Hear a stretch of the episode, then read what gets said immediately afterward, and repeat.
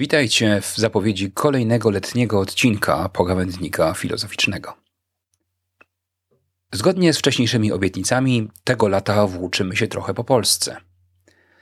Ale wybierzemy na początek kierunek dość nieoczywisty. Udamy się bowiem do Warszawy. A tam z Konradem Wyszkowskim, który właśnie ukończył bardzo interesującą rozprawę doktorską, porozmawiamy o wybitnym polskim filozofie XIX wieku Bronisławie Trentowskim.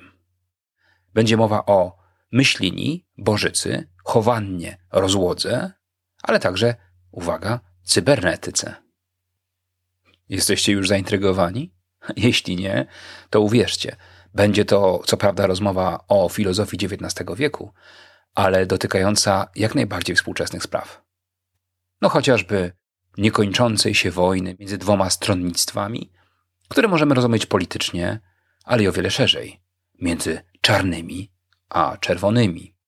Będzie o nadziejach związanych z tak zwaną filozofią całokształtną. Tak nazywa to Trentowski.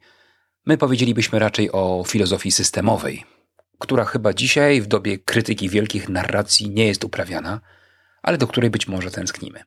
Ale nie zdradzajmy zbyt wiele tajemnic, chociażby takiej, że Ferdynand Trentowski był masonem.